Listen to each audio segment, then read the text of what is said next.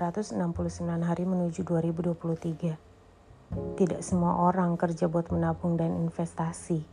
Ada yang bayar utang, ada yang bersedekah, ada yang memenuhi kebutuhan sendiri, ada juga buat keluarga. Kalau ada orang yang bilang, kerja selama ini kok tidak ada hasilnya, biarkan saja, karena memang tujuan orang bekerja dan memenuhi kebutuhan sehari-hari berbeda-beda. Kadang orang lain memang suka berkomentar tanpa tahu akar masalah hidup orang. Intinya, jangan suka menjudge atau menghakimi. Penghasilan besar atau kecil yang penting halal dan masih bisa mencukupi kebutuhan sehari-hari.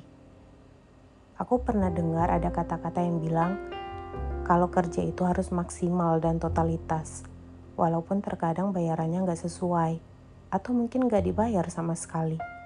Misal, gaji kita 500 ribu, tapi usaha dan kerja keras yang kita lakukan senilai 1 juta. Ya udah ikhlas. Yakin aja, Tuhan akan tetap membayar usaha kita dalam bentuk rezeki yang lain. Mungkin tiba-tiba kita menang undian, kita dapat hadiah dadakan, tiba-tiba ada keluarga yang datang terus ngasih uang.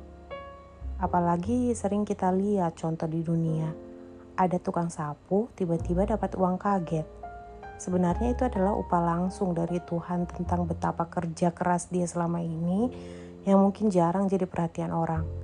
Yang mungkin penghasilannya gak sesuai.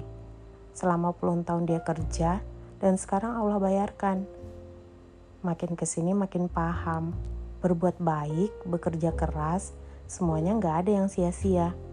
Jadi stop kepo berlebihan, stop gosip murahan, stop fitnah sana sini mulailah merevisi hidupmu ke arah yang lebih baik.